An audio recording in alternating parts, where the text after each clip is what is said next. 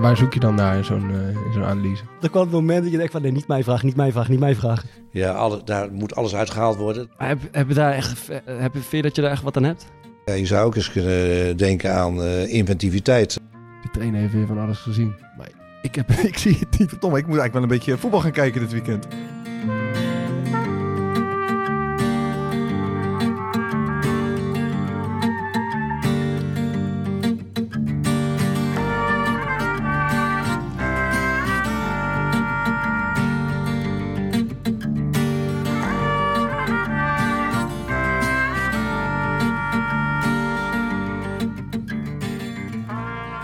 Onze ouders groeiden op met het totaalvoetbal van Johan Cruijff. Inventief en dominant.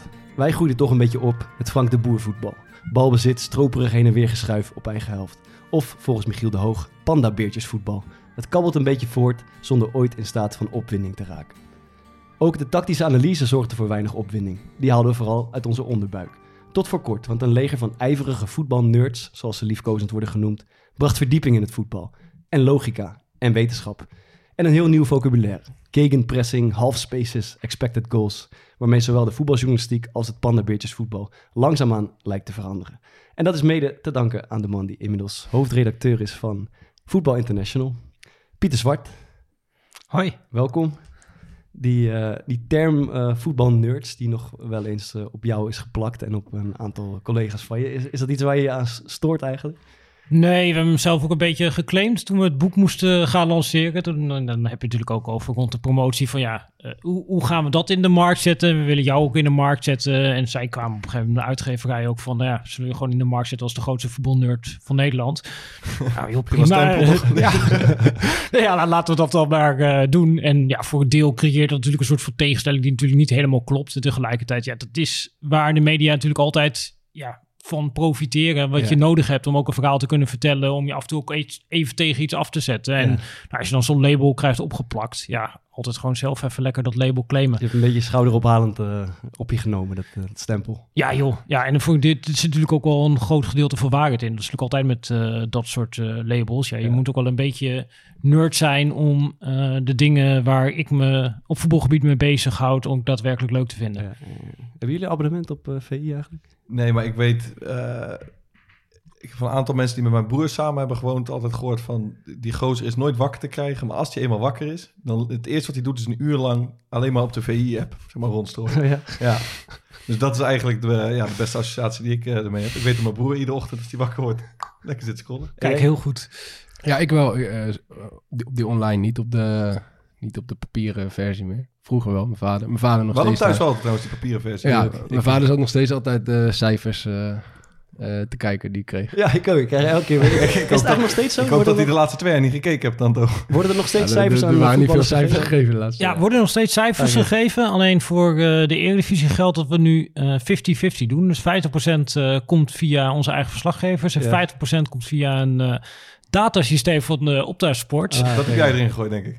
Nou ja, eh, mede eh, op mijn eh, instigatie. Ja, en het is, het is wel interessant. Want je ziet ook inderdaad dat dat soms enorm uiteenloopt. En ook dat zo'n datamodel natuurlijk, zeker het eerste jaar dat je het gebruikt, dat dat verre van perfect is. Hoe vaak worden jullie gebeld door voetballers die het niet eens zijn met het cijfer dat ze hebben gehad? Nou, valt mee, maar het is natuurlijk wel zeker richting eh, de journalisten die dan die cijfers geven, dan dat ze daar nog wel even, eh, ja, soms verhaal komen halen Wie, van... wie dan eh? Ja, ik herinner me een verhaal uit, eh, uit onze Feyenoord-podcast... waar Martijn Krabberdam erover vertelde. was geloof ik met Marcel Meeuwers. Eh, die had een keer niet goed meegewerkt met het interview. Toen ging hij op zoek, toen ging ging hij op vier gegeven. En die was er bijna aangevlogen in het spelershome. Dus eh, Ja, dus zo heftig kan het eraan toe gaan. Volgens mij is dat met Ruud Vormer ook een keer gebeurd inderdaad. Dat hij niet wilde en eh, toen werd hij s'avonds ineens laat dat weekend of niet eens of maar heel kort of zo gespeeld. Toen werd hij helemaal afgevlamd door, door Derksen. Maar dat was dan ook gewoon een 1 2 Dat Gewoon rancuneus is eigenlijk. Ja. En mijn vader stuurt ook nog steeds elke week eh, eh, door eh, wat ik eh, heb gekregen. De laatste week is trouwens even vergeten, maar jij dus ook. je Thomas. speelde ook niet de laatste week. Nee, maar daarvoor eigenlijk. Ja, bij mij de laatste week heeft hij het ook niet gestuurd. Eh, ik heb de laatste vier jaar daar al niet zoveel meer van, eh van doorgekregen. Overigens wel goed, denk ik, als je zegt dat er eh, voor een deel ook een eh, datasysteem achter zit. Want volgens mij kan één journalist onmogelijk eh, elf spelers heel aardig beoordelen. ja, En- 22 is helemaal Oh, lastig. hij moet ook de tegenpartij nog ja, doen. zeker. Ja, dat is echt niet te doen. Nee. Hadden jullie vroeger ook die posters eh, op de camera of niet? Eh, die elftalfoto's. Ja. Ja, ja, ja. ja, ja. Dat was mooi, dat gewoon FCM op de deur zit. Ja. Toevallig een keer in de VI had gestaan. Bij, bij mij eh, in mijn oude kamer hangen nog steeds eh, VI-posters van eh, Feyenoord in die uh, UEFA Cup eh, tijd. Dat is echt, die, ja, iedere UEFA Cup wedstrijd kwam er zo'n foto in de, in de VI, die heb ik er allemaal uitgehaald. Wel mooi. Ja, dat zijn goede dingen. Ja. Au, heb je, speel je zelf eigenlijk voetbal nog? Of heb je Nee. gevoetbald? Ik heb eh, heel kort gevoetbald. Eh, zoals de nerd betaamt, eh, heel slecht gevoetbald eh, ook. In de D'tjes en C'tjes, eh, die leeftijd eh, heb ik gevoetbald. En toen had ik ondertussen wel door dat eh, mijn voeten vaak niet uitvoerden wat mijn hoofd wilde. En nou ja, het, het is niet erg als je slecht kan voetballen. Ik bedoel, er zitten een heleboel mannen, nu niet, maar over het algemeen een heleboel mannen op zaterdagmiddag die heel slecht kunnen voetballen. Dat niet weten van zichzelf. En dan gewoon lekker fanatiek bezig zijn. Maar als je continu denkt van, ben ik nou vergeten daarmee bezig op dat veld? Dan ja, was de lol er ook wel redelijk snel af. Toen ben ik gewoon naast het veld gestaan. Dus ik was 15 toen ik bij en eh, het Regioblad eh, en bij eh Catnaccio, mijn eigen voetbalblog, eh, eigenlijk als journalist aan de slag ging. Nooit overwogen om als trainer te gaan, uh, iets, iets gaan doen? Nou, wel overwogen. Dat is meer, zeg maar, als kind denk je dan eerst, ja, ik word profvoetballer. Dat is jullie gelukt. Voor mij was op een gegeven moment duidelijk, nou, dat gaat niet lukken. Uh, dan denk je nog even, ah, misschien kan ik ook trainer worden. Maar ja, ook om trainer te worden moet je natuurlijk ook bepaalde mate van voetbalcapaciteit hebben om daarin door te komen. Dus het was, dit was eigenlijk plan C. Maar bij de amateurs niet, toch? Ik bedoel, als je... Nee, ja, amateurs kan inderdaad. Dat, ja, dat, dat je moet uh, had beginnen, gekund. Ja, nee, ja, natuurlijk, dat, dat had gekund. Maar uh, nou, nooit echt een heel serieus pad geweest. Heb je wel eens dan een beetje beperkt gevoeld om over, uh, of heel inhoudelijk over voetbal mee te praten als je zelf geen voetbalachtergrond hebt? Heb je dat bezwaar wel eens gevoeld? Ja, nee, zeker. Uh, en nou ja, dat denk je ook wel. Zeker in de beginperiode denk je daar, daar wel veel uh, over na. Ook van, ja, uh, slaat het wel ergens op eigenlijk wat ik uh, mm. hier uh, aan het schrijven ben. Sterker, ik denk dat een heleboel stukken die ik in eerste instantie schreef, uh, zou ik ook niet graag meer terug willen lezen. Dat het ook daadwerkelijk nergens op sloeg. Ja. alleen je moet die stukken wel ja, schrijven om op een gegeven moment, ja, het is op een gegeven moment ook een soort van openbaar notitieblokje wat je dan online hebt. En van daaruit kun je op een gegeven moment progressie maken. En op een gegeven moment kom je erachter van, ik denk dat een van die doorbraakmomenten was tijdens het WK 2014 was dat, het WK met Louis van Gaal. Dat, nou, wij maakten in die periode steeds analyses van de komende tegenstanders voor het Nederlands elftal. Dat op een gegeven moment vanuit de staf van Louis van Gaal het verzoek kwam van... Hey, hoe snel hebben jullie die analyses eigenlijk af van die tegenstander? hebben jullie die eerder af dan dat ze online komen? En zo ja, kunnen jullie ze dan, van tevoren naar ons toesturen? Ja. Nou, op het moment dat je dat soort verzoeken binnenkrijgt, dan denk je op een gegeven moment, ah, blijkbaar slaat het wel ergens op wat we hier aan het maken. Ja, ja, precies. Ja. Ja, cool. Het is wel interessant, want ik denk dat een hele hoop trainers, uh, ook in betaalde voetbal, daar best wel uh, mee worstelen met hoe, hoe, hoe analyseer je nou tegenstander? Moet je dat altijd op dezelfde manier doen? Of, uh, of, of ja, waar zoek je dan naar in zo'n in zo'n analyse? Wat, wat vinden jullie eigenlijk relaxed bij een wedstrijdbespreking over tegenstander? Maar bijvoorbeeld, wij hebben altijd een, uh, wat is het, half uur of zo uh, SWOT, uh, SWOT-analyse hebben wij ja. eigenlijk van de heb, heb je daar echt, heb je, vind je dat je daar echt wat aan hebt? Ja, ja uh, en nee. Want ik denk dat het wel heel belangrijk is om een bepaald beeld te hebben van de, van de tegenstander. Maar ik heb ook denk ik wel een aantal keer meegemaakt in mijn carrière dat ik het idee had dat een tegenstander iets groter werd gemaakt uh, mm. dan dat ze waren. Dus dat je eigenlijk te veel gaat focussen op uh, wat een tegenstander doet en dan een beetje vergeet. Uh, ja, wat soms ook wel eens lastig is volgens mij, omdat je, je wil, als je tegenstander dan gaat analyseren, je, je, wil iets zinnigs vinden of kunnen zeggen. Ja. Dus ik heb soms ook wel eens het idee dat er dan heel erg de nadruk wordt gelegd op iets, dat echt dingen zeg maar worden gezocht. Als een team dan bijvoorbeeld toevallig twee of drie keer een bepaalde manier diepte heeft gezocht of een kans heeft gekregen, ja. dan wordt er heel erg gedaan zo'n stempel opgeplakt als dat hetgene is waar zij voor staan en wat zij de hele tijd doen. Mhm. Mm -hmm. Terwijl, ja, ik heb best wel vaak gezien dat er dan iets wordt gezegd in de analyse en komt vervolgens in die wedstrijd helemaal niet ik, ik, ik, probeer altijd tijdens die analyse, ik de laatste jaren probeer ik een beetje me op te nemen van oké, okay, laat, laat ik wel even opletten als er wordt uitgelegd hoe ze druk zetten uh, of, of, of, hoe ze aanvallen. Ja, uiteindelijk speel je hem toch breed of misschien man, dus de tijd, joh. En in de praktijk komt dat eruit.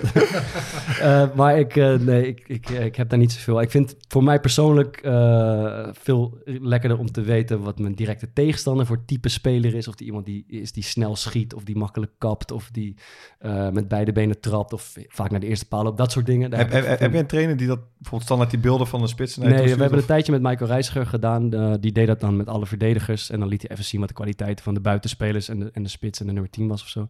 Eh, maar dat is het eigenlijk allemaal. Ik vind het op zich wel relaxed, want ik heb nu de, de laatste paar weken nog gespeeld. En dan kijk ik van tevoren altijd even door, zeg maar, wat voor Mm, eh, type spits en buitenspelers zijn. Dus bijvoorbeeld met muren weet je dan gewoon eh, van Cambuur. Dat pakt niet heel lekker uit, maar je weet gewoon zijn loopactie. Maar het- ja, je kan je dan, zeg maar, zulke specifieke dingen. Ja. ehm, dat, dat vind ik wel echt relaxed, man. Ik heb met zo'n teambespreking, vind ik, het, ik vind het moeilijk om daar echt dingen uit te halen of heel Ja. erg eh, gefocust te blijven. En eh, dat, dat, dat voetbal was, was toch een beetje een wereld van, eh van oud-gedienden, denk ik, eh, voorheen. En toen, als ik het heb over jullie, als vo- voetbalnerds, als ik jullie zo mag noemen, Mhm. er is veel meer focus gekomen op wetenschap en data en echt inhoudelijke analyses. Had je het idee dat daar veel weerstand tegen was aan het begin? Ja, deels. Maar dat lag ook wel een beetje aan de manier waarop wij het deden en waarop wij het brachten. Met name ook eh, in die Catenaccio-tijd. Want we gebruikten ook wel echt een beetje als marketingmiddel voor ons om nou ja, ons in de kaart te spelen. Ja. Ja, gingen we gewoon ja, reguliere media eigenlijk een beetje aanvallen. Kijk, als jij gaat zitten voor een wedstrijdanalyse op tv, Ja. eh, ja, dan kun je gewoon wachten. Eigenlijk meestal komt het al bij zin 3. Dan gaat gewoon iemand iets zeggen wat gewoon feitelijk eh, onjuist is. Mhm. Eh, Zoals? ja, iets als eh Andrea Pirlo eh, loopt bijna niet. Ik krijg drie clipjes van Andrea Pirlo die weinig loopt. nou, je kunt eigenlijk de donder op opzetten dat als je dan in de statistieken gaat kijken, dat, en dat was het geval bijvoorbeeld zo, dat Andrea, Andrea Pirlo de speler was die in de Champions League de meeste meters eh, had afgelegd, omdat hij voortdurend in beweging is, alleen niet op hoge Bij welke eh, analist op televisie weet je nou als hij er zit van, de, de komt bullshit aan? Zet je tv maar uit. Ja. Nou ja, eh, er zijn er best wel veel eigenlijk die dan, nou ja, consequent Ah, eh, ja, drie, soms... drie namen is genoeg.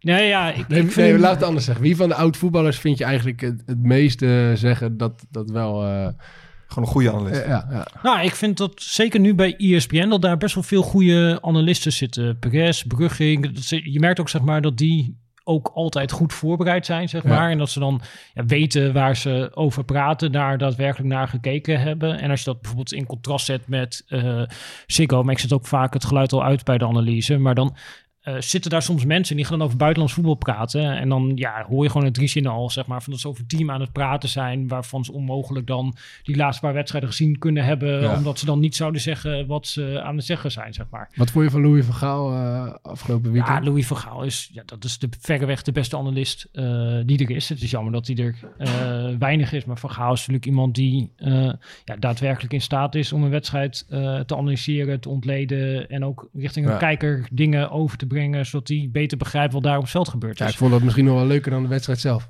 Ja. Barça Real, hoor, was dat Ja, toch? ging Ja. over, over El Clasico, ja. En eh, Van Gaal, die, ja, die zat daar natuurlijk ook wel een beetje met een eh, Barcelona-bril. Dus, dus, die, dus dat, dat vond ik ook eigenlijk wel mooi. Die, het, ging, het ging eigenlijk een beetje over het aanvallende voetbal van Barcelona tegen het verdedigende voetbal van eh, Real Madrid. En dat veroordeelde hij op een bepaalde manier. Maar hij vond wel dat Zidane het, eh, het tactisch heel goed had gedaan. Dus hij had wel op een bepaalde manier respect voor. Maar ook weer helemaal niet, omdat, hij, omdat het voetbal hem gewoon niet aanstond. Het was wel echt, eh, echt een mooi gesprek. En Jack Vergelder, die zat een beetje mee te lullen. Die probeerde gewoon een beetje te prikken met dingen die denk ik ook niet helemaal, eh, helemaal klopten altijd. Maar was wel, ik vond het echt... echt Vaar moet natuurlijk oppassen wat hij over Jack zegt nu. hè? Ja, dat zat ik ook wat te denken. Ja. Ik zat er dus Ik zat er ik ga het nou afzagen, maar toen zag ik hem, ik zag hem zo beseffen, Maar oh, ik- dat niet, niet. ik, dacht, ik dacht zelfs dat toen we het over dat Marble hadden met Wietse. En toen na afloop dacht ik van, hij was best wel mild voor Jack van Gelder. Hij is niet heel erg meegelachen. om Nee, wij keihard lachen en hij zat een beetje zo, Hij was natuurlijk al in zo geluidloos ook, dat wij het kunnen zien, maar er is geen camera bij en dan Ik hoort wist, niemand. ik wist al dat ik naar AFC ging. Hij dus was ik al in dacht niet onderhandeling met dat- AFC natuurlijk. Ja, ja, ik zat er net Ja, ook aan te denken, ja. Die zijn scherp, jongens. Die zijn heel scherp.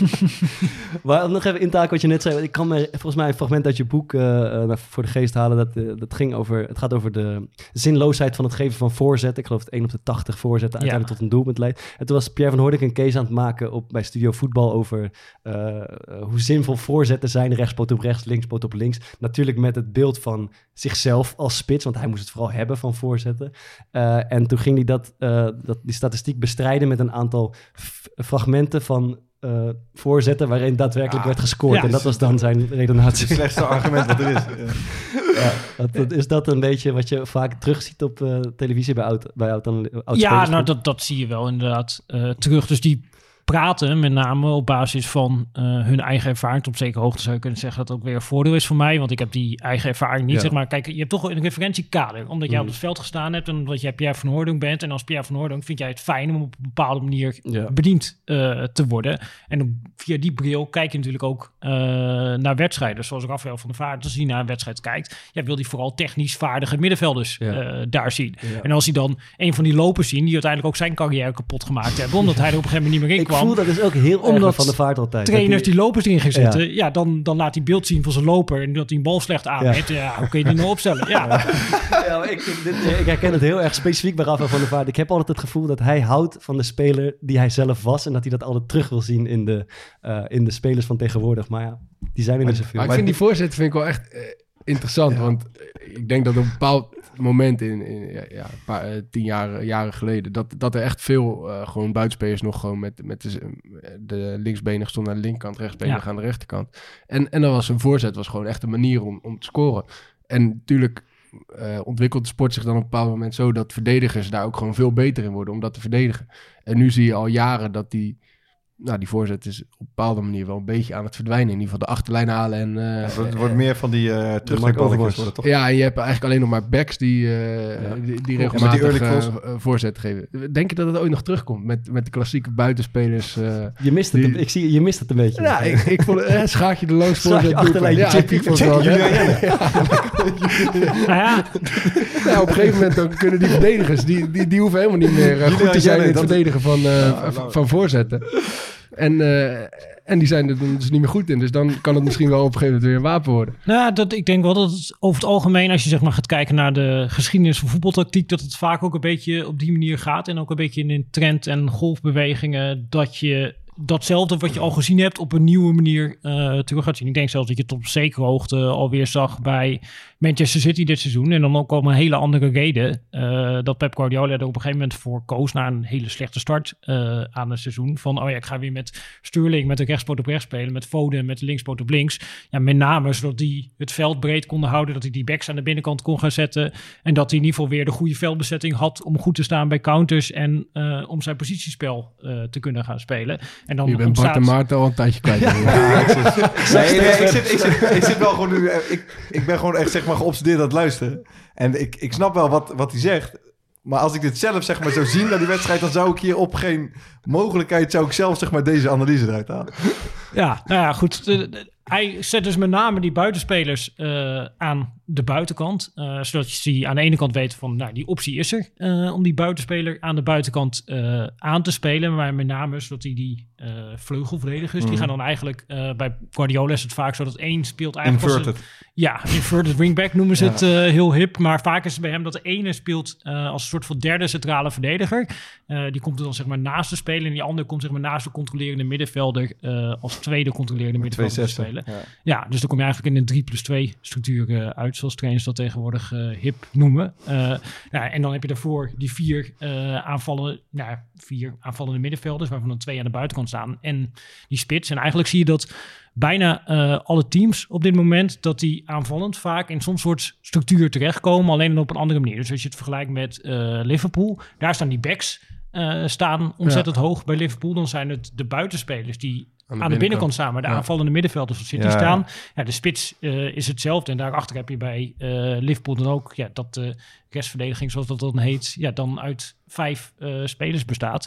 En normaal ook Ajax, eigenlijk bijna ieder team. AZ dat- is dat ook, toch? Ja, AZ doet het ook, ja, inderdaad, met die eh, backs aan de En binnenkant. Feyenoord? Ja, ja, Feyenoord doet dat allemaal niet. Maar ik wil nog één ding eh, over die voorzetten. Maar ehm, dat onderbuikgevoel daarbij, dat, dat klopt echt. Want ik, kijk, ik ken ook die statistieken van dat, dat je eigenlijk helemaal uit zo'n hoge voorzet, dat je er eigenlijk bijna nooit uit scoort. Maar als je dan, eh, je hebt een doelpunt nodig op het eind en je gooit zo'n extra centrale verdediger in de spits erbij. Dan denk je ook, als iemand dan een middenvelder gaat inspelen, dan wil ik ook gaan roepen, pleur die bal in de pot, gooi hem voor de goal. Maar dat, je scoort er eigenlijk ook vrijwel nooit uit. Maar dat Nee. onderbuikgevoel, dat zit volgens mij zo... Dat, dat zit zo diep en vrijwel bij iedereen. Dat ik, Afstandsschoten is eigenlijk hetzelfde. Dat is eigenlijk, dus zie je dat een- daar de nieuwe barrière, zeg maar, wat, wat eh, vijf jaar geleden voorzetten waren. Zie je nu die trendbeweging gaande bij afstandsschoten. Als je de vijf grote internationale competities pakt, zie je dat daar in de afgelopen vijf à tien jaar, dat zeg maar de gemiddelde afstand waarvan af een doelpoging genomen wordt, dat dat eh, ja, ongeveer vijf meter dichter bij het doel is geworden. Dus dat is zo ongeveer van 20 naar eh 15 meter gemiddeld gegaan, een doelpoging. Omdat ook, ja, dus eh, met name uit de data blijkt, dat uit. ja, zo schoot van afstand dat dat een hele kleine statistische kans is om te scoren. Dat je dan beter kan doorcombineren om uiteindelijk een grotere kans te creëren. Maar- Toch als ik vroeger naar eh, Match of the Day 15 Gerrard. geleden, had je toch het idee dat daar ongeveer iedere wedstrijd van 35 Ja, meter werd binnengeknald. Scholes en Gerrard en Lampert, die werd ook iedere Precies week. wat nu. We hadden, dus met, met Ricardo Moniz. Die had al die videobanden met Steven Gerrard, noem maar op. En, schieten. en, iedereen die, en dan, dan had hij weer had hij een videoband dat met de 80 mooiste afstandsschoten. En dan zei hij daar dan van, dus kennen er allemaal in. Nog meer, we gaan straks trainen op afstandsschoten. En dan gingen we op partij doen en dan telde alles voor één en telde afstandsschot telde voor 12. Om te stimuleren dat we meer van afstand gingen schieten. Ja, ja. Ja, Moniz was zo'n mooie, eh, mooie trainer. Want die was in bepaalde opvattingen super eh, modern, zeg maar, om het zo maar te zeggen. Want, eh, ja, ook ja, hoe die druk wilde zetten, dat was best wel, eh, dat, dat was best wel iets wat heel veel trainers in Nederland niet doen. Maar, maar inderdaad, als het daarover ging, ook met voorzetten, onze backs, eh, ja, ik, ik, ik, ik vind het altijd fijn om met een back samen door te combineren tot de plek waar, waar zo'n voorzet wel zin heeft. Maar die, ja, die back die had de bal niet, of hij stond aan te schreeuwen dat die, eh, dat, dat die bal voor de goal moest. Maar wij hebben nog best wel veel uit gescoord vorig jaar. dus ja, het is... Het hangt ook wel echt af van je selectie. Als Ja, is- bijvoorbeeld Do, Do, Dojan. Ja, dat is ja. gewoon een hele goede rechter. Dus die kon die bal echt mooi zo tussen de verdediging en de keeper spelen. En dat is wel een nare bal, maar dat is helemaal geen simpele bal zeg maar, spelen.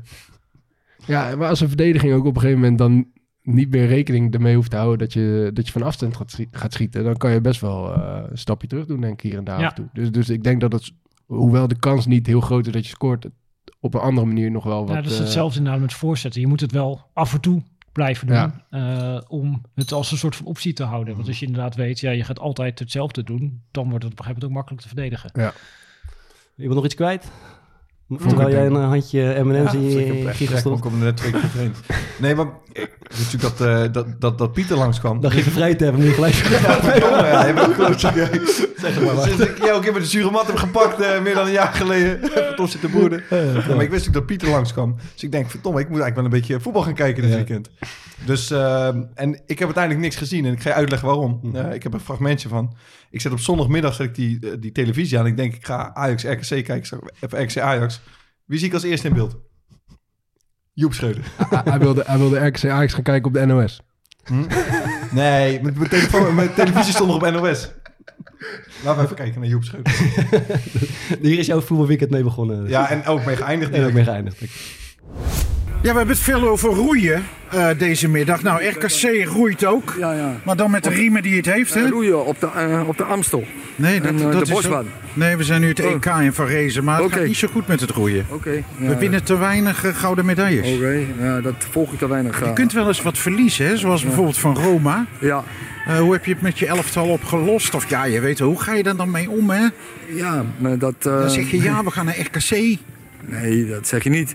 Je gaat zeggen, wat ging er goed en wat ging er verkeerd? Waarom, waarom verlies je? En eh, je gaat op zoek naar de oorzaken.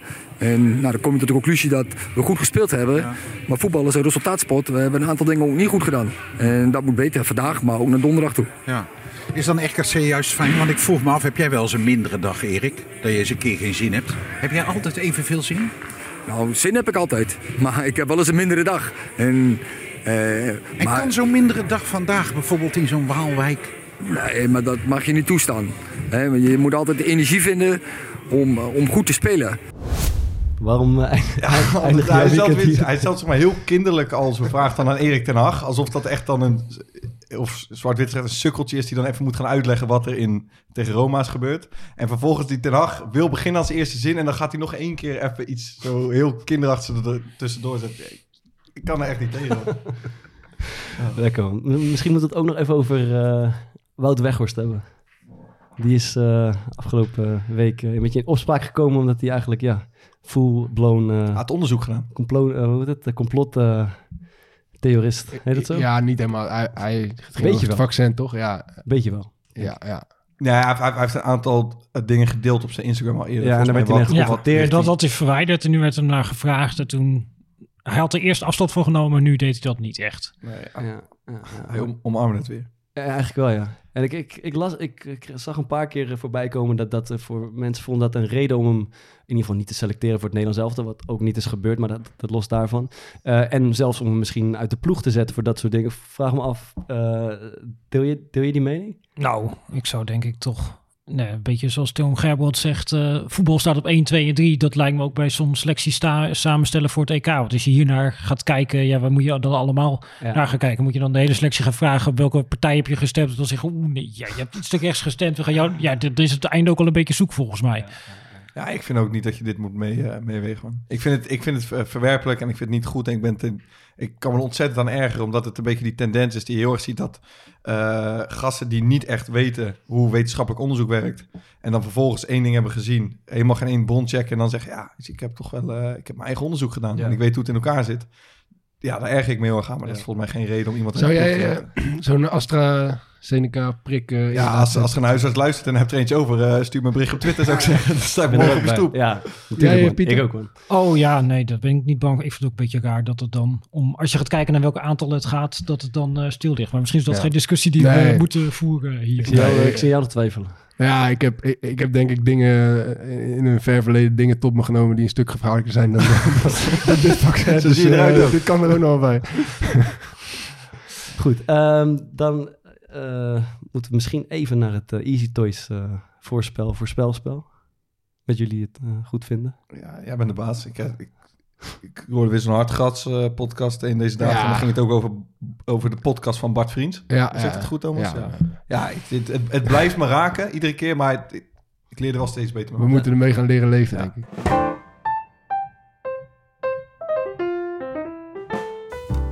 Het voorspel. Voorspelspel. Dan wil ik voorstellen dat jij dit rubriekje even inleidt. Ik zou niet weten hoe. Nou, dat loopt niet. We gaan, eh, we gaan weer even voorspellen, eh, want dat, eh, dat doen we iedere week. En we zijn eigenlijk nieuwsgierig wie de eerstvolgende voetballer gaat zijn die, die naar buiten treedt als een coronatwijfelaar, laten we het zo noemen. En ik ben benieuwd of jullie het over na Hij moet opschieten, want hij is nog ongeveer vier weken prof. Maar dat kan alleen maar Luigi Bruins zijn. natuurlijk. Ja, is het hem? Ja. Ja, Luigi is geen wappie, maar hij is wel wantrouwend. Op zijn minst dat. Thomas? Ja, ik, ja de, jullie, eh, jullie overvielen me hier een beetje mee, want eh, we zouden eerst de andere doen. Je had de voorbereiding weer niet gelezen. Ja, eh, en, en, en nu is het in één keer weer veranderd. Maar eh, Dit ik ga... week, maar dat is allemaal, dat is allemaal prima. Dit stond gewoon in het, in het draaiboek van gisteren. Ja, ik, ik dacht dat we gingen voorspellen welke spits meeging naar, eh, naar het EK van het Nederlands elftal. Maar, Die gaat er mee dan? Heb je die wel voorbereid? Ja, de, de, de, Leg de- noem ik die. nee, ja, ik, ik heb geen idee. Maar ik denk eh ehm, Stijn Meijer. Daar heb ik wel eens een gesprek mee gehad. Eh, als hij nog profvoetballer is na dit seizoen, dan, eh, dan voorspel ik hem. Want, ja, Stijn, Stijn is dus ook wel wantrouwend. Ja, die, die, die, die, die, ja, die, die raden me toch aan om, om nog maar eens goed te kijken wat voor, eh, wat voor troep ze wel niet allemaal in me, in me zouden spuiten.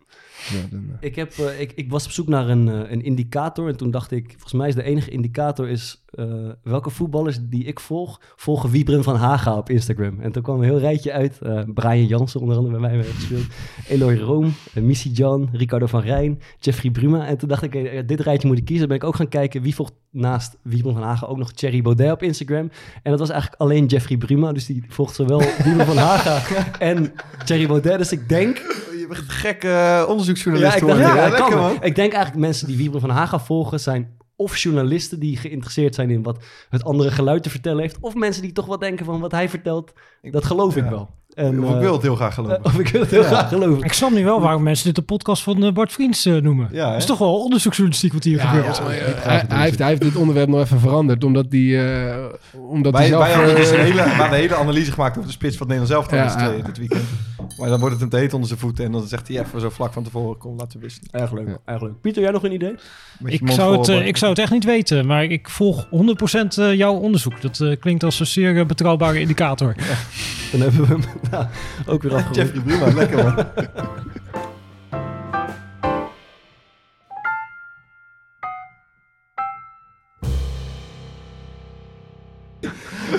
Eh, nou ja, dan eh, gaan we het over voetbal hebben. Eh, over de staat van het Nederlandse voetbal en over wat, wat de voetballer eigenlijk... In eerste instantie, wat heeft de voetballer met tactiek? En ik denk, als ik voor mijn team mag spreken... Nee, er is altijd in een elftal denk ik een handjevol spelers, vier, vijf spelers... die zich echt interesseert in, in, eh, in tactiek. Die meediscussieert over eh, hoe de buitenspelers moeten druk zetten... en wie er moet doorschuiven. En de rest van het team is een beetje... die luistert naar die tactische bespreking. Alsof het een eh, geschiedenisles is waar we eigenlijk geen zin in hebben... maar wel een beetje moeten opletten. Eh, dat is in ieder geval mijn, ik, ik, dat is in ieder geval mijn eh, idee. Ik denk dat Maarten en ik een beetje in dat hoekje zitten. En welke hoek zit Thomas, denk ik? Thomas zit bij dat handjevol spelen. Ik hoor, als ik Pieter net hoor vertellen over Liverpool en, eh, en over wat die backs allemaal doen, dan denk ik, ja, die, hij ziet van alles wat ik in 3,5 uur niet zou kunnen zien. Maar Komen we weer, komen we weer bij Rick van Drongen uit. die, die, die, dan zei hij tegen Michel, denk ik, of eh, zaten ze op de bank en eh, bij Alex Pastoor, eh, dat is een tijd van Alex Pastoor, en dan was er een wedstrijd bezig en dan zei Alex, die zei iets tegen Marco Reiziger of zo, en dan eh, toen draaide Rick zich naar, eh, ik denk naar Michel of, naar- of naar jou misschien wel, en Ja. zei, de trainer heeft weer van alles gezien, maar ik, heb, ik zie het niet. hij heeft nu al... zo, ik, eh, om dit te illustreren, ik had bij de onder pastoor hadden we ook wel eens tactische eh, besprekingen zoals we nu ook hebben. En één keer was er een, eh, was er een mag- magneetbord bij en we, we hadden we discussie over hoe we moesten druk zetten of zo. En moet naar dat En bord toen kwam dat fragment en dan kwam, dan kwam het moment dat je denkt van nee, niet mijn vraag, niet mijn vraag, niet mijn vraag. En toen moest ik eh, toch op het bord uitleggen wat wij als team moesten doen, hoe de, als de tegenstander het eh, dit en dit deed. En toen ben ik een beetje schoorvoetend naar het bord gelopen. Heb ik lukraak allerlei magneetjes op, eh, op een bepaalde manier Ah, ja, neergezet. je, had gewoon net goed gegokt. En had ik, godzijdank, had ik het juist Wat, wat gokt je? Backs hoog of backs vlak? Altijd twee? back zo, backs doordekken. maar eh, jij je hebt een, een beetje alarmerend eh, boek geschreven over eh, de staat van het Nederlandse voetbal. Eh, en het gaat onder andere over de Hollandse school, de Hollandse ziekte. Eh, en wat, hoe zou je de Hollandse school eh, typeren? Wat is dat of wat was dat? Ja, eh, wat ik in het boek uiteindelijk betoogd heb, is dat het uiteindelijk terug te brengen is tot eh, een x aantal eh, spelprincipes, een soort van ja, coherente strategische gedachten over voetbal. Eh, ja, eigenlijk voor alle spelmomenten, van ja, omschakelmoment van aanvallen naar verdedigen, aanvallen, verdedigen eh, en omschakelmoment van verdedigen naar aanvallen. Wat wil je dan eh, dat jouw ploeg in hoofdlijnen doet in spelprincipes? En het grappige daarin is dat in de periode dat ik het schreef, had je een beetje die discussie gaande van ja, de Hollandse school is uitgestorven, et cetera, et cetera. Maar als je naar die spelprincipes ging kijken, dus inderdaad naar bijvoorbeeld meteen druk zetten bij balverlies of een overtal creëren op het middenveld, allemaal dat soort eh, spelprincipes, zag je dat de succesvolle teams op dat moment, dat die eigenlijk allemaal volgens die, Internationaal bedoel je? ja, internationaal. Dat die bijna allemaal volgens die spelprincipes speelden.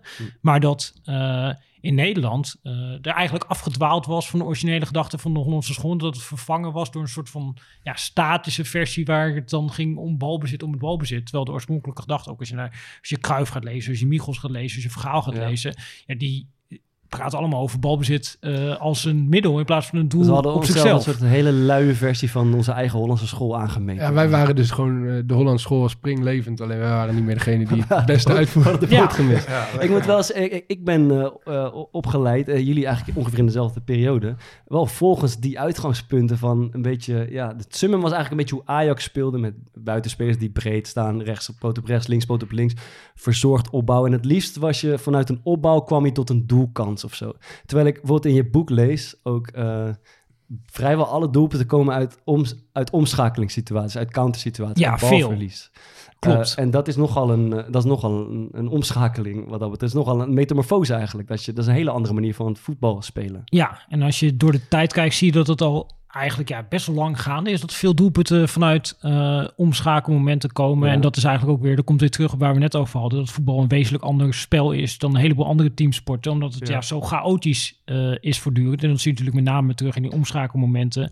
Ja, wanneer even de organisatie weg is. Uh, en hier zie je eigenlijk hetzelfde terug als uh, naar waar we net over hadden. Dat bijvoorbeeld uh, Louis van Gaal, die heeft er recent in zijn boek ook weer over geschreven, dat dat een van de mensen was die eigenlijk al rond 2000 zei van uh, de manier waarop wij in Nederland naar voetbal kijken klopt niet helemaal. Toen had je de structuur, dat is een beetje technisch in de KVB, van AVL verdedigen en omschakelen. Uh, en dat was omschakelen, zeg maar, uh, één categorie. Terwijl omschakelen van aanvallen naar verdedigen totaal iets anders is natuurlijk dan omschakelen van uh, verdedigen naar aanvallen. Nou, op het moment dat je het niet benoemt, ga je het ook niet apart trainen. En wat je, dat zullen jullie natuurlijk ook meegemaakt hebben. Heb ik zelfs natuurlijk op, de, op flutniveau in de D'tjes meegemaakt. Dat ja. je ja, trainingen krijgt. En dat zie je ook ja, bij echt gewoon hoge teams in Nederland, dat dan ja, gaat opgebouwd worden vanuit eh, de doelman. Ja. En zodra de balverlies geleiden wordt, wordt het spel eh, stilgelegd. En Ja. dat zag je ook terug zeg maar, in statistieken Ja, oefeningen, dat ja. vaak eh, maar één spelmoment eh, getraind wordt. Maar hoe conditioneer je dan, waar we het ook over hadden, spelers onbewust, dan conditioneer je ze onbewust. Oké, als we de bal verliezen, dan moeten we even verslappen, want dan gaat de trainer die gaat fluiten en dan gaat iedereen weer terug naar zijn positie. Eh, en dan in de wedstrijd bespreken zegt die trainer nog wel van ja, scherp zijn als we de bal verliezen, meteen druk zetten. Alleen je hebt ze de hele week geconditioneerd, zoals je een hondje ook conditioneert met een klikje, heb je die spelers gecondi- geconditioneerd van nou, zodra je de bal verliest, verslappen, want dan gaat de bal terug naar de keeper eh, en dan gaan we allemaal overnieuw beginnen. Eh, ja, en daar- als je op die manier je trainingen inricht, dan krijg je dat uiteindelijk ook eh, in wedstrijden terug te zien. Vind jij dat er helemaal niks, eh, eh, dat er helemaal geen kracht zit in die, in, in, in beginnen vanuit die georganiseerde situatie, zeg maar, om gewoon, eh, eh, om gewoon even duidelijk te maken met hoe het ideale plaatje eruit zou zien? Eh, op zich wel. Alleen ik denk je in de ideale situatie die ja, training dan wel zo inricht, eh, nou, dat er altijd omschakelmomenten zijn. Ja. En dat zie je, zeg maar, ik weet niet in hoeverre eh, jullie dat als spelers meekrijgen, maar ik zie dat eh, in Nederland ook steeds meer gebeuren bij trainingen, dat dan ja, op een manier een regel verwerkt wordt, bijvoorbeeld dat ze op kleine doeltjes kunnen schieten eh, bij balwinst. Eh, dat je dus dat gedrag stimuleert van direct diepte zoeken op het moment dat je de bal verovert. Ja, nee, onze trainer is er ook best wel mee bezig. Ja, dat, dat, dat, in, dat in het moment nadat, er, eh, nadat eh, het moment waarop hij wil coachen is afgelopen, dat het dan altijd doorgaat of dat er dan een extra bal Hij eh, heeft heel vaak de- met, met een tweede bal inderdaad. Dus dan ben je een aanvalspel aan het doen. En op het moment dat je scoort of verliest, dan komt er op een ander stuk van het veld komt er zeg maar een tweede bal bij. Ik, maar ik vind, ik, ik vind niet per se dat ons voetbal daar beter van wordt namelijk. Waarom niet? O- o- omdat ik vind dat het, eh, dat het op een bepaald moment ook heel erg neigt naar een beetje rennen en vliegen. Je bent heet maar bezig, je bent heet maar bezig. En eigenlijk verlies je dan op een bepaald moment gewoon de structuur van, eh, van, hoe je wil voetballen. En gaat het vooral om degene die eh, het snelst eh, ergens op kan reageren. En misschien ook wel gewoon het snelste is. En daardoor wordt het heel rommelig. En, en in zo'n trainingsvorm geeft het niet altijd per se weer wat er tijdens een wedstrijd gebeurt. Ja, ik zit te denken, maar ik ben niet, niet helemaal met jou eens, Thomas. Dat als ik denk bijvoorbeeld hoe dat bij ons geïmplementeerd wordt, is dat eh, we hebben dan zo'n waar het staan die goals, eh, twee grote goals op 50 meter zo uit elkaar. En dan begin je met opbouwen van achteruit. En dan moet je in een bepaald vak moet je de, met de keeper en bijvoorbeeld twee of drie verdedigers twee aanvallers uitspelen. Dan kom je in de aanvalsituatie. En als je daar de bal verliest, komt er altijd een tweede Nee, bal tuurlijk, tuurlijk. Nee, maar dat gedeelte is nog best wel gestructureerd. Alleen vind ik wel dat op het moment dat je heel veel gaat focussen op omschakeling en op, op dat je ergens een bal inspeelt waar, waar andere mensen niet verwachten. Eh, en ik zeg ook niet dat we het niet goed trainen, maar ik zeg wel dat, eh, dat ik vind dat voetbal heel onrustig ervan wordt. Dus- Ja, dat dus, kan, dat eh, kan, ik, dat kan ik wel en, en, en, en dat is bij ons, nee, dat is bij ons ook wel te zien, denk ik, tijdens de wedstrijden. De, de, de, de vastigheden die ontbreken gewoon. En, en ik denk dat je daar wel als eerste op moet focussen voordat je überhaupt kan beginnen aan dat, eh, aan het hele omschakelingsspel. Ik, eh, als, als het over Nederlands voetbal heb, ik, ik, ik kreeg me, of ik herinner me een jaar of vijf, zes geleden dat we een beetje zo in slaap waren gesukkeld. En als dan een aantal, zijn aantal een beetje symbolische wedstrijden geweest. Eh, als we dan als Nederlandse ploeg in Europa kwamen, of als Nederlands elftal tegen een sterke tegenstander eh, kwamen te spelen, dat we dan eigenlijk blown away waren door, door het tempo wat zij speelden. En echt overbluft werden, zoals Ajax tegen Salzburg, eh, herinner ik me. Of het Nederlands elftal. Ja, Ajax Salzburg, de eerste helft. En wij echt, denk ik, 40, 50 keer gezien, man. Maar Met- met, met de Moniz, ja. man. maar dat, en eh het Nederlands elftal speelde tegen Frankrijk, die verloren geloof ik met 4-0. Dat Ja. waren echt van die eikpunten van...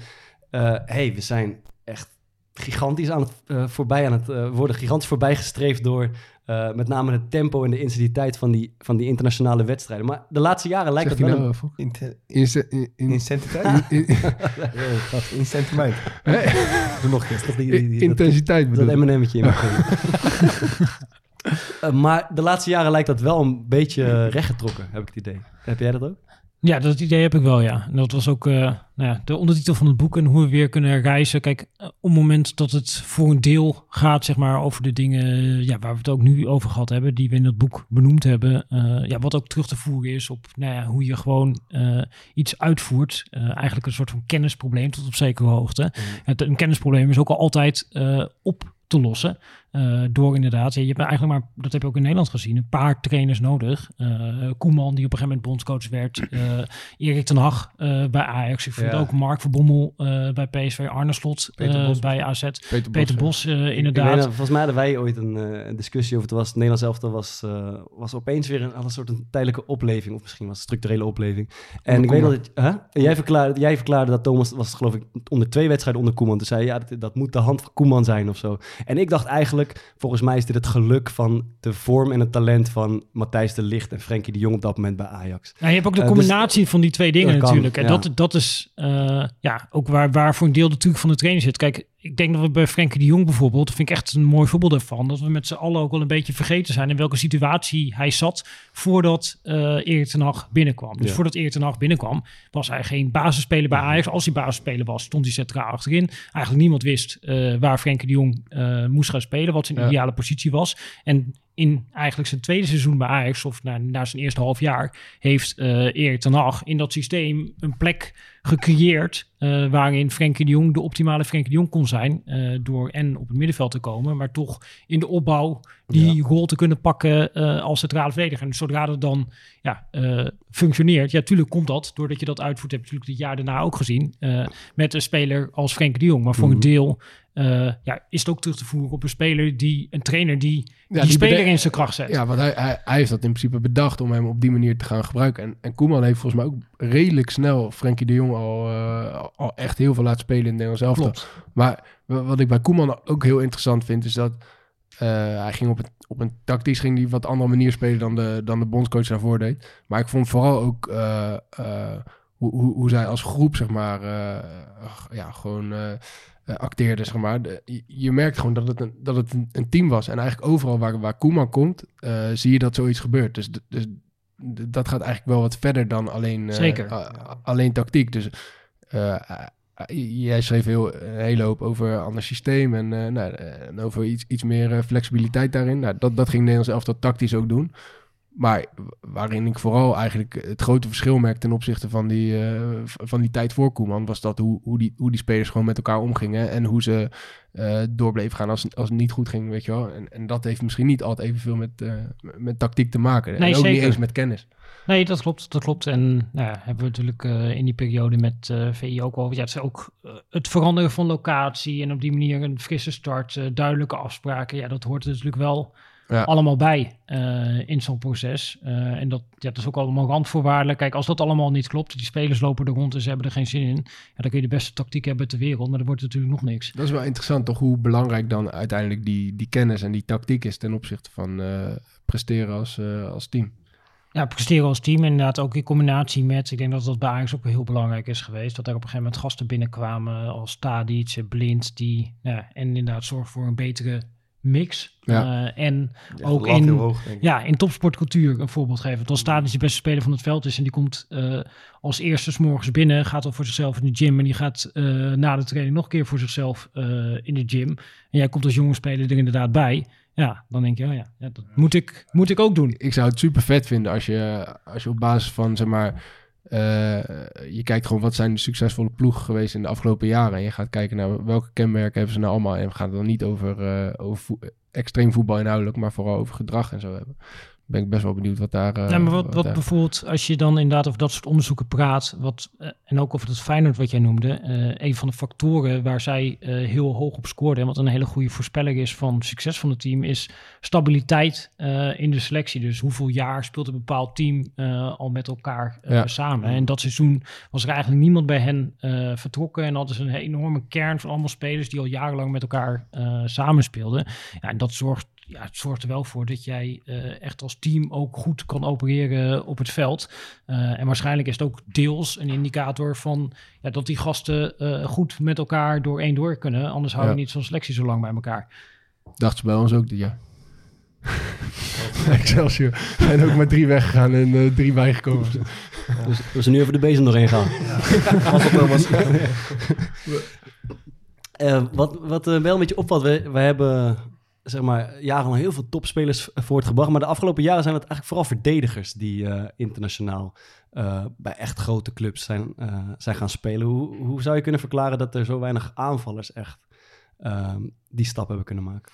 Ja, is een lastige vraag natuurlijk om te beantwoorden. En in die zin vind ik het ook nog wel vreemd dat eh, in die periode dat die enorme discussie er was eh, over de staat van de Nederlandse voetbal. En al die congressen waren er, et cetera, et cetera. was eigenlijk het narratief wat op dat moment heel erg gaande was. Van ja, we zijn heel goed in aanvallend voetbal. we hebben kunnen leiden aanvallend Ja. geweldige spelers op, maar we kunnen niet verdedigen. Terwijl je toen al in de statistieken zag dat er meer dan ooit verdedigers de topcompetitie speelden vanuit Nederland. Ja. eh, en minder dan ooit aanvallers. Ik denk dat nou, als je praat over die verdedigers, dat daar de, de meest verklarende factor voor is dat ja, toch ook de manier van opleiden in Nederland, waar je van verdedigers bepaalde dingen vraagt. Dat je ziet dat het internationale voetbal zich is, zo is gaan ontwikkelen. Blijkt ook uit cijfers dat ja, bijvoorbeeld centrale verdedigers dat die steeds meer balcontracten hebben. Dat die Ja. acties die centrale verdedigers doen, is met name ook eh pasen en steeds minder eigenlijk daadwerkelijk de verdedigende acties. Eh, en dat steeds meer ploegen, eh, omdat de ploegen die hoog druk zetten en ver van het eigen doel willen spelen, succesvol zijn, op die manier willen spelen. En, dan iets waar verdedigers Nederlandse nodig hebben. over het algemeen redelijk goed geschoold in zijn. Ja, precies. Ja, Eh, en dat verdedigen, dat, dat is, lijkt soms ook een soort van idee te zijn in het buitenland. Van, nou, dat kunnen we ze nog wel een beetje Mhm. aanleren. En dat, dat hoor je ook van iemand als Stefan de Vrij, die daarover vertelt. Ja, dat hij eigenlijk een hele herscholingscursus krijgt zodra hij naar Italië gaat. Ook de, eh, de licht, die kwam binnen bij Juve. En toen was het, ja, hij kan heel, maar we moeten nog even leren hoe die daadwerkelijk eh, moet verdedigen. Ja. Maar dat lijkt ook iets te zijn. En dat valt voor een deel ook te verklaren vanuit nou ja, hersenstructuur en hoe dat werkt. Van bepaalde leeftijden sta je meer open voor nou ja, tactiek en dat soort eh, elementen. eh, dat dat makkelijk later op leeftijd aan te leren is. Waar ja, een bal aannemen onder druk in je eigen 16 misschien wat moeilijker op latere leeftijd aan te leren is. Ja, ik kan me herinneren dat, dat Wesley Hood een keer vertelde dat... ehm, eh, hij speelde bij, bij La- Lazio, denk ik, Ja, in, Lazio in Italië. Dat ze in die, in die voorbereiding dan eh, vaak twee keer op een dag trainen... en dan gewoon twee keer tactisch. Dus dan werd er gewoon wel wat met bal gedaan. Maar, verder was het gewoon bijvoorbeeld drie kwartier lang 's middags alleen maar schuiven. Gewoon in een formatie staan. En dan eh, liep die trainer bijvoorbeeld gewoon met een bal in zijn hand als tegenstander zijnde. Ja. Ja. En dan liep hij of paas hij de bal naar een plek en dan moest iedereen gewoon Ja. Oh, mee ja. Ja, bewegen. dat, hebben we- dat deden we ook bij Alex met, met eh, elastiek. Ja. Bal naar voor, bal naar achter, eh, aansluiten. Ja. We zaten met elastiek aan bal elkaar. diep, rugdek. Ja, ik heb dus, kijk, nu dit soort dingen zeggen. best wel- We hebben, ik heb dus het idee dat, eh, niet alleen dit boek, maar al het onderzoek wat er nu is van hoe buitenlandse teams aan het trainen zijn, dat dit eigenlijk heel veel teweeg heeft gebracht de afgelopen jaren in het Nederlandse voetbal ook. Want al dit soort dingen, eh, waar je het nu over dat trainen met elastieken, eh, trainen op omschakeling, dat is volgens, volgens mij gewoon eh, iets van de afgelopen vijf of tien jaar pas in Nederland. Dus dat er trainers zijn die, althans de trainers die ik heb gehad, die hebben heel veel opgestoken of heel veel meegekregen van bijvoorbeeld dingen die in, in het boek staan, maar ook allerlei dingen die er nu over bekend zijn van hoe buitenlandse teams trainen. Ja, maar dat komt natuurlijk ook door die... Je noemde net een aantal wedstrijden... waarin dan Nederlandse teams of het Nederlandse elftal zwaar met de neus op de feiten Ja. heeft gedrukt. Ja, op een gegeven moment ga je dan, als dan natuurlijk naar buiten komt... hoe andere teams Ja. trainen of voetballen... Ja, dan ga je dat toch ook gewoon... Collectief bedenken, hoe Ja, kunnen we hier weer te tegen kopiëren, denk ik.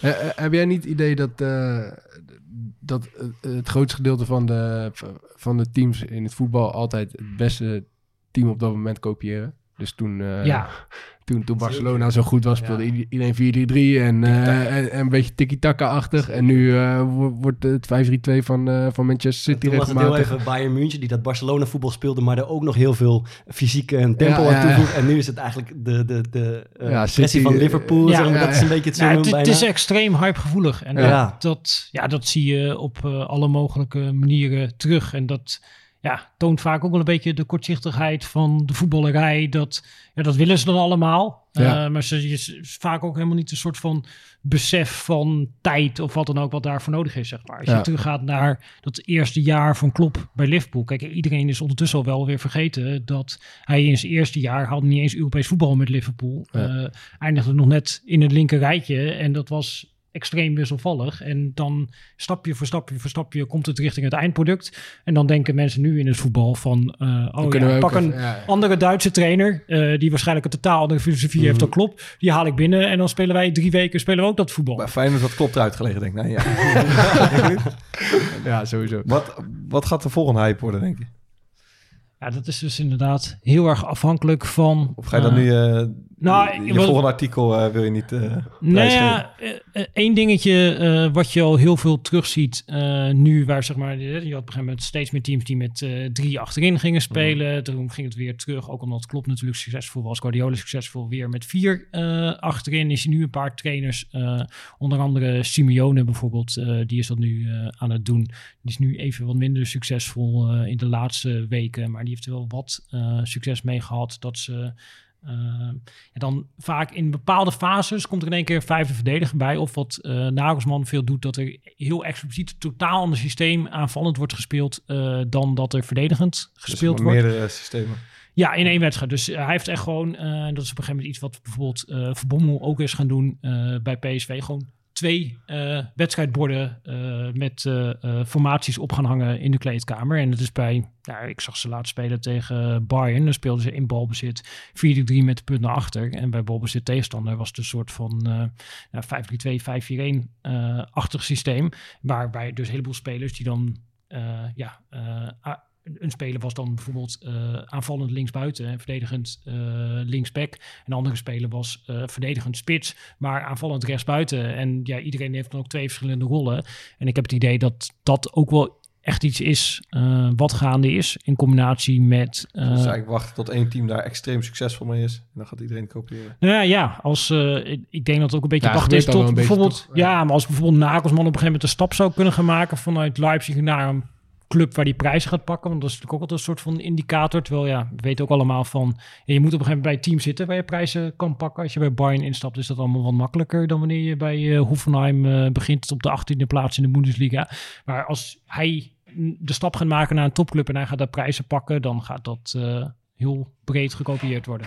Zullen we aanraders van de week doen? Ja, mag ik hem? Nee, trouwens, we hebben een gast, die trapt hem af. Ja. Pieter trapt af. Ja, de aanrader. Ik eh, Mhm. ga voor een eh, artikel van The Athletic. Eh, Wat ik wel interessant vond. Ik heb ook wat over gelezen in Belgische media. En dat ging over de recente contractverlenging van Kevin De Bruyne. En we kenden al in het voetbal dat op een gegeven moment clubs data gingen gebruiken om nieuwe spelers te vinden. Toen daarna kwam het eh, moment dat spelers, eh, onder andere Memphis heeft wat gedaan bij zijn transfer naar Lyon, eh Davy Klaas bij zijn transfer naar Everton, dat pakte wat minder goed uit. Maar dat ze het databureau gingen inschakelen om te zeggen van, naar welke club kan ik het beste gaan? En nu zitten we in de volgende stap. En dat is dat Kevin De Bruyne in onderhandelingen met Manchester City, die een beetje ja, spaak dreigde te lopen. Hij wilde meer geld gaan verdienen. City wilde dat in eerste instantie niet vrijmaken. Toen heeft hij een databureau ingehuurd om te bewijzen wat zijn impact was eh, voor Manchester City en hoe duur het zou zijn voor Manchester City om hem te vervangen door een gelijkwaardige speler.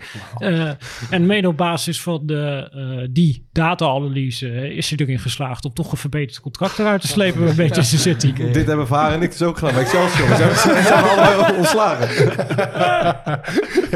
We, we hebben dat databureau ingeschakeld. En toen, toen durfden we dat rapport niet eens meer te laten zien. aan Excelsior. allebei nooit meer terug te laten komen. Nou, bij AFC hadden ze wel. Ja, precies.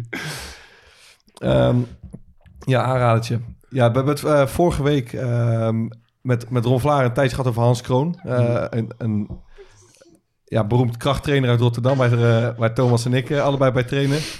We hebben een vijfde gast aan tafel. We hebben vijfde Ja. gast, de, de- de kleine vaar. Ehm, maar Hans heeft een, ja, een groot aantal eh, moslimsporters die hij begeleidt. En ook zijn vriendin is eh, eh, moslima.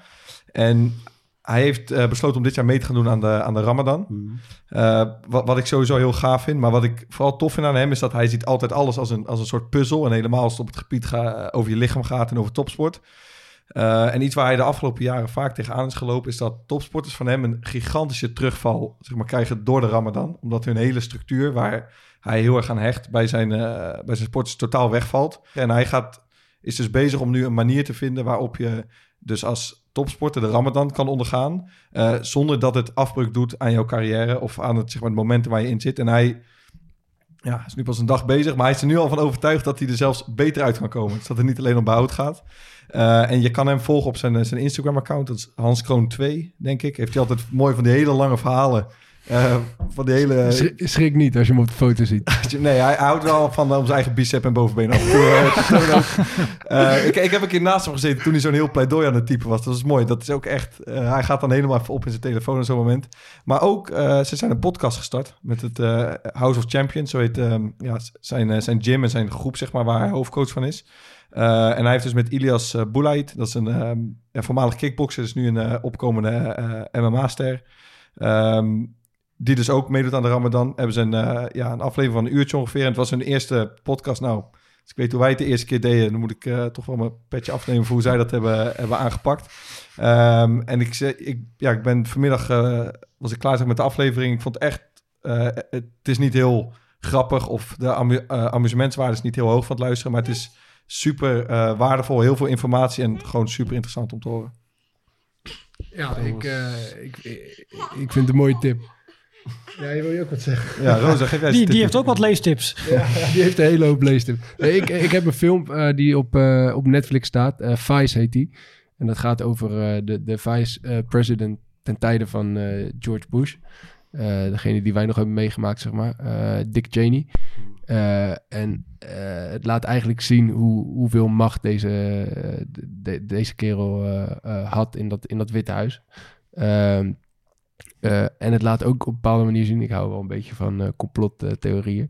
Eh, wat er gebeurde, eh, wat er gebeurde op, op, op 11 september en, en hoe hij daarop reageerde. En, en, en wat de Verenigde Staten vervolgens hebben gebruikt om, om een oorlog te beginnen.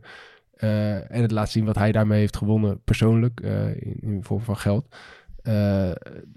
Dus ja, de- het is, het is niet goed eh, om zo'n film te kijken op het moment dat je al een beetje eh, vatbaar bent. ja, wantrouwig bent. Maar het is, het is een prachtig film. Het is van dezelfde regisseur als die eh, ene film over, eh, eh, over de val van die, van die banken van eh, Wall Street. Weet je welke dat is of niet? Die moet je wel hebben gezien. De Crash? Nee, ja, weet ik. Maar het is, het is een mooie film. Vice op Netflix. Ik heb trouwens met vriend van het weekend eh, eindelijk Into the Wild gekeken. Ja, ja. Ding. Mooi of niet? Ja, en we hebben besloten om gezamenlijk solistisch vanaf nu door het leven te gaan. Zonder onze vriendinnen. Eh, ik heb eh, in twee dagen een eh, geweldige podcast-serie er doorheen gejaagd. Dat is de Deventer Mediazaak. Daar is Ja, best veel over te doen Maurice geweest. de Dagoe. Maurice de Dag, hoe Ja, is de nou, lul? laten we- laten we daarmee beginnen. Wij zaten, we laten, Maurice de Hond speelt een, is een van de hoofdrolspelers. Een hele dubieuze rol speelt hij in die serie. Maar wij zaten een paar weken terug bij de vijf uur show, heette dat Thomas? Ja. Ja, ja. met z'n drieën. En eh, Maurice de Hond was ook te gast, dus die was aan de tafel, eh, ook aan die, aan die tafel. En toen spraken wij achter de schermen volgens mij af. eh, speelden we rock, paper, scissors. En de verliezer moest Maurice de Nee, Hond... nee, nee, nee. Jullie hadden mij gewoon verplicht. Oké. Jij gaat Maurice, Maurice de Dagoe noemen. Ja, en Dagoe is hond in het Surinaams. Dus jij, we zaten eigenlijk te wachten tot jij Maurice de Hond stelselmatig Ja, eh, Maurice de Dagoe ging Eén noemen. een van ons zou het gaan doen, alleen Fokker die kwam, Ja, ik kwam bij het als onderwerp. eerste, die kwam als eerste, want het ging over die Over die peiling, peiling, zeg maar. Ja, het ja. ging over die peiling onder voetballers. hij Dus, dat- dus we zouden een brugje maken naar Maurice Dagoe. Maar, Maar ik was dat aan het vertellen. Het was best wel een lang verhaal. En jullie zaten tegenover mij. En ik zag jullie een beetje zo, zo gniffelen. Ik denk, god, ik, heb ik me versproken? Loop ik te kutten? Maar toen ging het dus om... Ik had Maurice de Hond gezegd in plaats van Maurice de Dagoe. Gemiste kans, ja. Nee, dus dat. Maar eh, die, die, die podcastreeks is echt eh, is supergoed. Het gaat over die David de moordzaak. Eh, geloof ik begin deze eeuw waar een hoop eh, over te, te doen was. Eh, daar is iemand voor opgepakt. Die heeft daar tien jaar voor gezeten. En ondertussen is er een soort media-hype op gang gekomen... die eigenlijk wees naar een andere dader. Namelijk de klusjesman van de vrouw die is, eh, die is vermoord. Eh, en en die, die hype is nogal eh, op gang gebracht door... eh Alex Klusjes, je leuk? Zelf leuk? ik vond het echt leuk. Eh, die hype is nogal op gang gebracht door eh, Maurice de Hond. En de, die speelt daarin nogal een eh, dubieuze rol. En die podcast is, eh, zit echt heel goed in elkaar. Het wordt, allerlei, eh, wordt van alle kanten belicht. Iedereen komt aan het woord, ook Maurice de Hond zelf. Eh, en ik eh, ben er echt in anderhalve dag, twee dagen doorheen eh, gejaagd. En dat eh, kan ik iedereen aanraden. Dus eh, ga dat doen. Oes. En eh, we sluiten af met een, eh, met een liedje. En die is voor Pieter. Ja, ik wilde graag eh, Lola Montes van Fullbeat. Kijk even naar Vaak Thomas. of niet? Nee, ken ik niet. Wat is het voor genre? Eh, een beetje rock. Oké, Ja. Nice.